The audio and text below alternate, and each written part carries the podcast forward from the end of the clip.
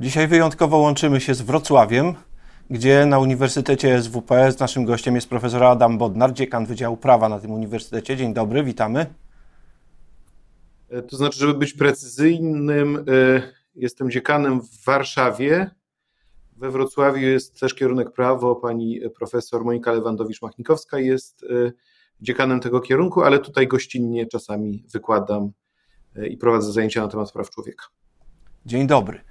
Właśnie dlatego łączymy się dziś z Wrocławiem. Wszystko się zgadza. A temat naszej rozmowy jest bezpośrednio związany z prawami człowieka, bo on chce nawiązać do zakończonego w zeszłym tygodniu szczytu Rady Europy w Reykjaviku, o którym pan profesor już od dłuższego czasu pisał, że będzie miał przełomowe znaczenie dla wyznaczenia standardów ochrony tych praw w najbliższym czasie. E, z takimi nadziejami, z takimi nadziejami pisał pan kolejne e, wpisy w mediach społecznościowych, a następnie denerwował się, że nikogo to w naszym kraju nie obchodzi. Czy rzeczywiście tak sprawa wygląda? Takie mam wrażenie, e, niestety, że ten szczyt się odbył. E, przyjechali do Reykjaviku e, przywódcy w zasadzie wszystkich państw europejskich, 46 państw, oprócz, jak wiadomo, Rosji, bo Rosja została wyrzucona z Rady Europy, oprócz Białorusi, która nigdy w Radzie Europy nie była. Była także Ursula von der Leyen, przewodnicząca Komisji Europejskiej. Szczyt zakończył się podpisaniem dość, moim zdaniem, odważnej, twardej deklaracji. Szczyt odbył się po raz pierwszy od 18 lat. Wcześniejszy szczyt miał miejsce w Warszawie w 2005 roku. Natomiast nie widziałem jakiegoś specjalnie dużego zainteresowania mediów, polityków, e, środowisk e, e, opiniotwórczych, poza tymi, którzy się na co dzień zajmują prawami człowieka. Także myślę, że powinniśmy przyjrzeć się temu, co tam się wydarzyło i jednak zastanowić się, jakie to może mieć znaczenie dla nas i dla przyszłości tej ważnej organizacji międzynarodowej. No właśnie. E, czytałem relacje w polskich mediach e, z tego szczytu, gdzie rzeczywiście no, prezydent Duda e, wyrażał bardzo mocne wsparcie dla Ukrainy. To był jeden z głównych tematów rozmów polityków najwyższego szczebla, ale przechodząc już do sprawy tej deklaracji końcowej, o której pan profesor wspomniał, to tam zdaje się daleko idące zostały zaciągnięte zobowiązania i obietnice, w jakim kierunku mamy iść. Z czego powinniśmy, panie profesorze, w takim razie rozliczać rządzących, którzy tam się do tego zobowiązali? Znaczy, najważniejsze takie zobowiązanie dla Ukrainy oczywiście to jest kwestia stworzenia tego rejestru szkód, e, bo tak naprawdę e, to nie jest tylko i wyłącznie zrobienie tabeli w Excelu, gdzie będzie, będą wpisywane te szkody, tylko w zasadzie powołanie nowej organizacji międzynarodowej, która będzie dokumentowała wszystkie szkody wojenne i która później będzie miała znaczenie z punktu widzenia rozliczania e, Rosji za to, co się e, stało. E, co ciekawe, nie wszystkie państwa się podpisały pod deklaracją. 40 państw, między innymi Węgry czy Albania i Szwajcaria, co ciekawe, się nie podpisały. Natomiast no to, to jest, myślę, że mimo wszystko no, ważny kierunek jednolitego myślenia ze strony państw Rady Europy. Poza tym Dużo było dyskusji na temat stworzenia e, e, Trybunału e, Karnego do spraw zbrodni i agresji. Myślę, że tutaj szczyt wyraził poparcie w tym kierunku. Myślę, że coraz bliżej jest powołania takiego organu. Natomiast dla mnie najważniejsze jest to, że wyrażone zostało takie bezwarunkowe poparcie dla funkcjonowania Europejskiego Trybunału Praw Człowieka. Zauważmy, że Trybunał w Strasburgu z jednej strony wydaje ciekawe, ważne wyroki, z drugiej niektóre wyroki nie są wykonywane, bądź y, Europejska Konwencja Praw Człowieka jest otwarcie lekceważona, lekceważona czy podważana. W Polsce przecież mieliśmy dwa wyroki Trybunału Konstytucyjnego, które się do tego odnosiły. W Wielkiej Brytanii trwa cały czas dyskusja na temat niewykonywania środków tymczasowych, a wręcz także wycofania się z systemu konwencji. I teraz, jeżeli państwa jednak spotykając się na tym szczycie, no, na tym najwyższym szczeblu mówią tak, jesteśmy związani konwencją, uważamy to za ważny instrument, będziemy się nią kierowali. Co więcej, Unia Europejska wreszcie, może po tylu latach, przystąpi jako strona do Europejskiej Konwencji Praw Człowieka, to myślę, że to dużo znaczy dla e, praw człowieka, bo jak już te, te czarne chmury, które się gromadziły, jednak zostały rozwiane i jednak ten duch jedności myślenia o wartościach europejskich zwyciężył. Czy przystąpienie Komisji Europejskiej do Europejskiej Konwencji Praw Człowieka cokolwiek zmieni w tych postępowaniach i w podejściu do y, szanowania orzeczeń, czy to postanowień tymczasowych, czy tych już y, kończących sprawę wyroków? Tak, tak mam rozumieć Pańską wypowiedź? O to tu chodzi? Nie, nie, to są jakby dwie osobne kwestie, tak? Bo y, jedna kwestia to jest, czy poszczególne państwa stosują się do postanowień tymczasowych i do samych wyroków Europejskiego Trybunału Praw Człowieka. I tutaj mamy problem E, z Polską właśnie, z Wielką Brytanią, ale także e, z państwami typu e, Azerbejdżan, Turcja. No przez lata był problem z Rosją, teraz Rosja ma troszeczkę inny, znaczy mamy gigantyczny problem z Rosją, ponieważ to, że Rosja została wyrzucona z Rady Europy nie oznacza, że Trybunał ma się nie zająć 16 tysiącami spraw, które zalegają w Trybunale w Strasburgu i które były zgłoszone zanim jeszcze Rosja była, wystąpiła z systemu konwencji. Natomiast zupełnie inna kwestia to jest przystąpienie Unii Europejskiej, e, czyli Unii Europejskiej jako strony do całej Europejskiej Konwencji Praw Człowieka. Zauważmy, że Unia Europejska jest stroną różnych umów międzynarodowych. Taką najważniejszą to jest Konwencja ONZ o prawach osób z niepełnosprawnościami. Teraz e, Parlament Europejski pracuje nad przystąpieniem Unii Europejskiej do Konwencji Stambulskiej e, o przeciwdziałaniu przemocy wobec kobiet i przemocy domowej to przystąpienie ze strony Unii do umów międzynarodowych ma znaczenie i symboliczne, i praktyczne. Symboliczne, ponieważ oznacza poparcie dla idei, które są wyrażone w danej, e, e, w danej e, organizacji, w danej, danej umowie międzynarodowej, tak? Mhm. danej konwencji, tak. Natomiast z drugiej strony to oznacza, że w przystosowaniu prawa, przy stanowieniu prawa trzeba brać pod uwagę wartości i zasady, które wynikają z danej umowy. E, I co więcej, e, czyli to by oznaczało, że jeżeli Komisja Europejska podejmuje jakieś różne działania dotyczące naruszenia praw człowieka, to na samym końcu powinien orzekać w takich sprawach Trybunał w Strasburgu. Czyli przykładowo, jeżeli, nie wiem, mamy pokrzywdzonego rybaka, któremu odebrano możliwość łowienia ryb w Darłowie, dostał on jakąś kompensatę, uważa, że ona jest niewystarczająca, że prawo unijne było, szkodli, y, było krzywdzące dla niego, że jego prawa nie zostały na życie respektowane, to on na samym końcu powinien mieć także możliwość skargi do e, Europejskiego Trybunału Praw Człowieka, a obecnie de facto takiej e, skargi nie ma.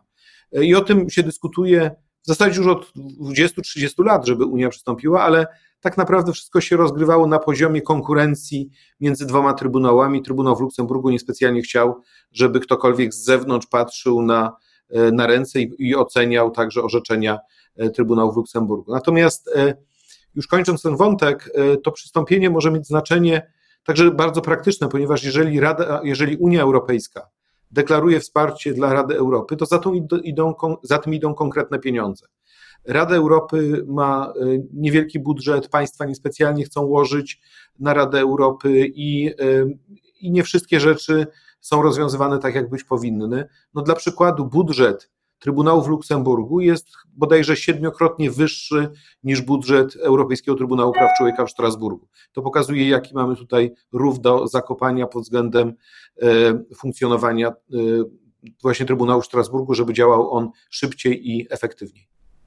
No ale to też pokazuje, w jakim miejscu my jesteśmy, gdyśmy zadarli właściwie z oboma, z oboma trybunałami, tym strasburskim i tym luksemburskim, bo no, zarówno nie podobają się y, aktualnej władzy orzeczenia y, Trybunału Praw Człowieka, jak i tego Trybunału Unijnego Sprawiedliwości.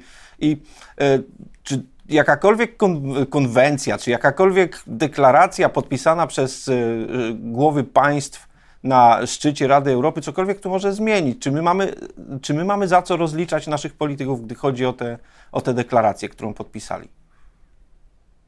To znaczy, ja myślę, że e, to, że prezydent Andrzej Duda był na miejscu e, i że podpisał e, deklarację z Reykjaviku, to, że odniósł się pozytywnie do tych wszystkich zasad i wartości, to, że także zgodził się z treścią, jest taki załącznik numer 3 do tej deklaracji z Reykjaviku, to są różne zasady dotyczące funkcjonowania systemów demokratycznych. To jest zawsze jednak ważne z punktu widzenia wyposażenia społeczeństwa obywatelskiego, dziennikarzy, polityków e, w narzędzia typu sprawdzam. To znaczy, możemy zawsze wracać do tego i mówić, proszę, e, na szczeblu międzynarodowym podejmowane są określone działania, a na szczeblu krajowym wygląda to zupełnie inaczej. I oczywiście e, w takim bieżącym, codziennym rozrachunku politycznym to pewnie nie będzie miało wielkiego znaczenia, ale rzeczywistość pokazuje, że konsekwentne przypominanie, łapanie polityków na hipokryzji, na kłamstwie, e, wskazywanie palcem, że e, podejmują pewne działania, które są niezgodne z tym, co sami deklarują, to może mieć znaczenie i to może mieć skutek, ale pod warunkiem, że my z tych wszystkich mechanizmów e, korzystamy. Ja na przykład uważam, że pomimo tego, że e, oczywiście, tak jak pan redaktor powiedział, te wszystkie sprawy przed e, Europejskim Trybunałem Praw Człowieka czy Trybunałem Sprawiedliwości Unii Europejskiej Polska przegrywa, to jednak one cały czas dają nadzieję, że nie uda się w Polsce poukładać rzeczywistości na sposób węgierski czy na sposób turecki, że będziemy jednak w stanie cały czas zachować podstawy praworządności i praw człowieka i że były różne sytuacje, kiedy rząd jednak pod wpływem presji, także w oparciu o różne umowy międzynarodowe, wycofywał się ze swoich e, e, pomysłów. Także myślę, że tak długo jak te możliwości mamy, to z nich korzystajmy, tak długo jak takie deklaracje polityczne najwyższego szczebla są składane, to na nie się powołujmy w codziennej rzeczywistości. Ale czy właśnie tak jest? Bo nie wiem jak pan, ja mam takie wrażenie, że weszliśmy w e, moment, w którym coraz mniej zaczyna nas to obchodzić. E, walczący o prawa człowieka są no, uznawani za Don Quixotów jednak, bardziej niż, niż tych, którzy autentycznie załatwiają prawdziwe, e, potrzebne w tym momencie sprawy. Nie jest tak trochę? Nie ma pan takiego wrażenia? E, oczywiście mógłbym mieć takie wrażenie, tylko z drugiej strony też patrzę na to, że ileś rzeczy udało się zahamować, ileś rzeczy udało się w Polsce mm, może nie tyle naprawić, co e, przynajmniej pozbawić skuteczności. No bo spójrzmy chociażby na wolność mediów w Polsce.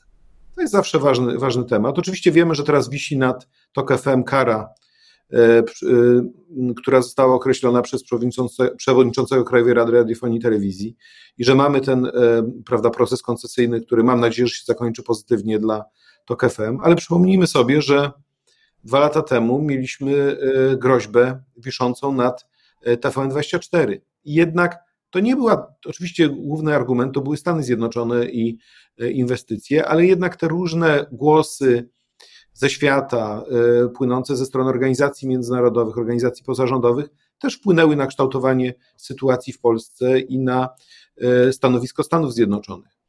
Praworządność. Oczywiście możemy się zrzymać na kolejnych neosędziów, na kolejne przejmowanie instytucji sądowniczych, ale z drugiej strony, dzięki temu, że poszczególni sędziowie wygrywają swoje sprawy przed Trybunałem w Strasburgu, że interesują się naszymi sprawami instytucje międzynarodowe, to jednak wielu sędziów ma cały czas odwagę i siłę, żeby się przeciwstawiać, żeby bezpośrednio stosować konstytucję, żeby być uczciwym w swojej pracy e, zawodowej, wykonywaniu e, tej zaszczytnej funkcji wymierzania e, sprawiedliwości. Czy ja też bardzo lubię temat uchwał przeciwko ideologii LGBT. Ja pamiętam, że na początku, jak one były przyjmowane, to był wszyscy uznawali, że nic nie da rady z tym zrobić, a jednak wysiłek międzynarodowy, krajowy, sądowniczy spowodował, że od tych uchwał e, odchodzimy. Także myślę, że ja bym raczej stawiał pytanie inne. Czy my wykorzystujemy wszystkie szanse, które nam dają e, instrumenty e, międzynarodowe, czy, czy odpowiednio to nagłaśniamy, czy dyskutujemy o tych kwestiach. No przykładowo jest taki komitet, który działa w, ramach Rady Europy, komitet Grevio, który się zajmuje monitorowaniem, jak wykonują państwa konwencję stambulską przeciwdziałaniu przemocy wobec kobiet. I te raporty, raport Komitetu Grevio został e, przyjęty, opublikowany, prawie 200 stron tekstu. I czy my wyciągamy należyte wnioski z tego, czym się na to powołujemy? No, myślę, że NGOsy tak, ale czy dziennikarze, politycy, różne inne środowiska akademickie e, wykorzystują to, co było powiedziane. Mam wrażenie, że nie do końca. Także ja cały czas poprzez dyskusję na temat tych instrumentów międzynarodowych mówię nie tylko to, że one są ważne, ale to, że powinniśmy z nich korzystać ile się da, bo nie mamy lepszych, obiektywnych form oceny sytuacji w Polsce, na które możemy się powoływać. Właśnie dlatego poprosiłem o to wypowiedź, by powkładać klocki na swoje miejsce. Coś, co wydaje się romantyzmem, tak naprawdę jest pracą u podstaw i tej nam potrzeba. Rzeczywiście tak właśnie jest. Bardzo dziękuję za to spotkanie. Profesor Adam Bodnar był naszym gościem. Panie redaktorze, dziękuję za zainteresowanie tematem tej bardzo ważnej deklaracji e, z Reykjaviku. Jestem bardzo wdzięczny. Do zobaczenia.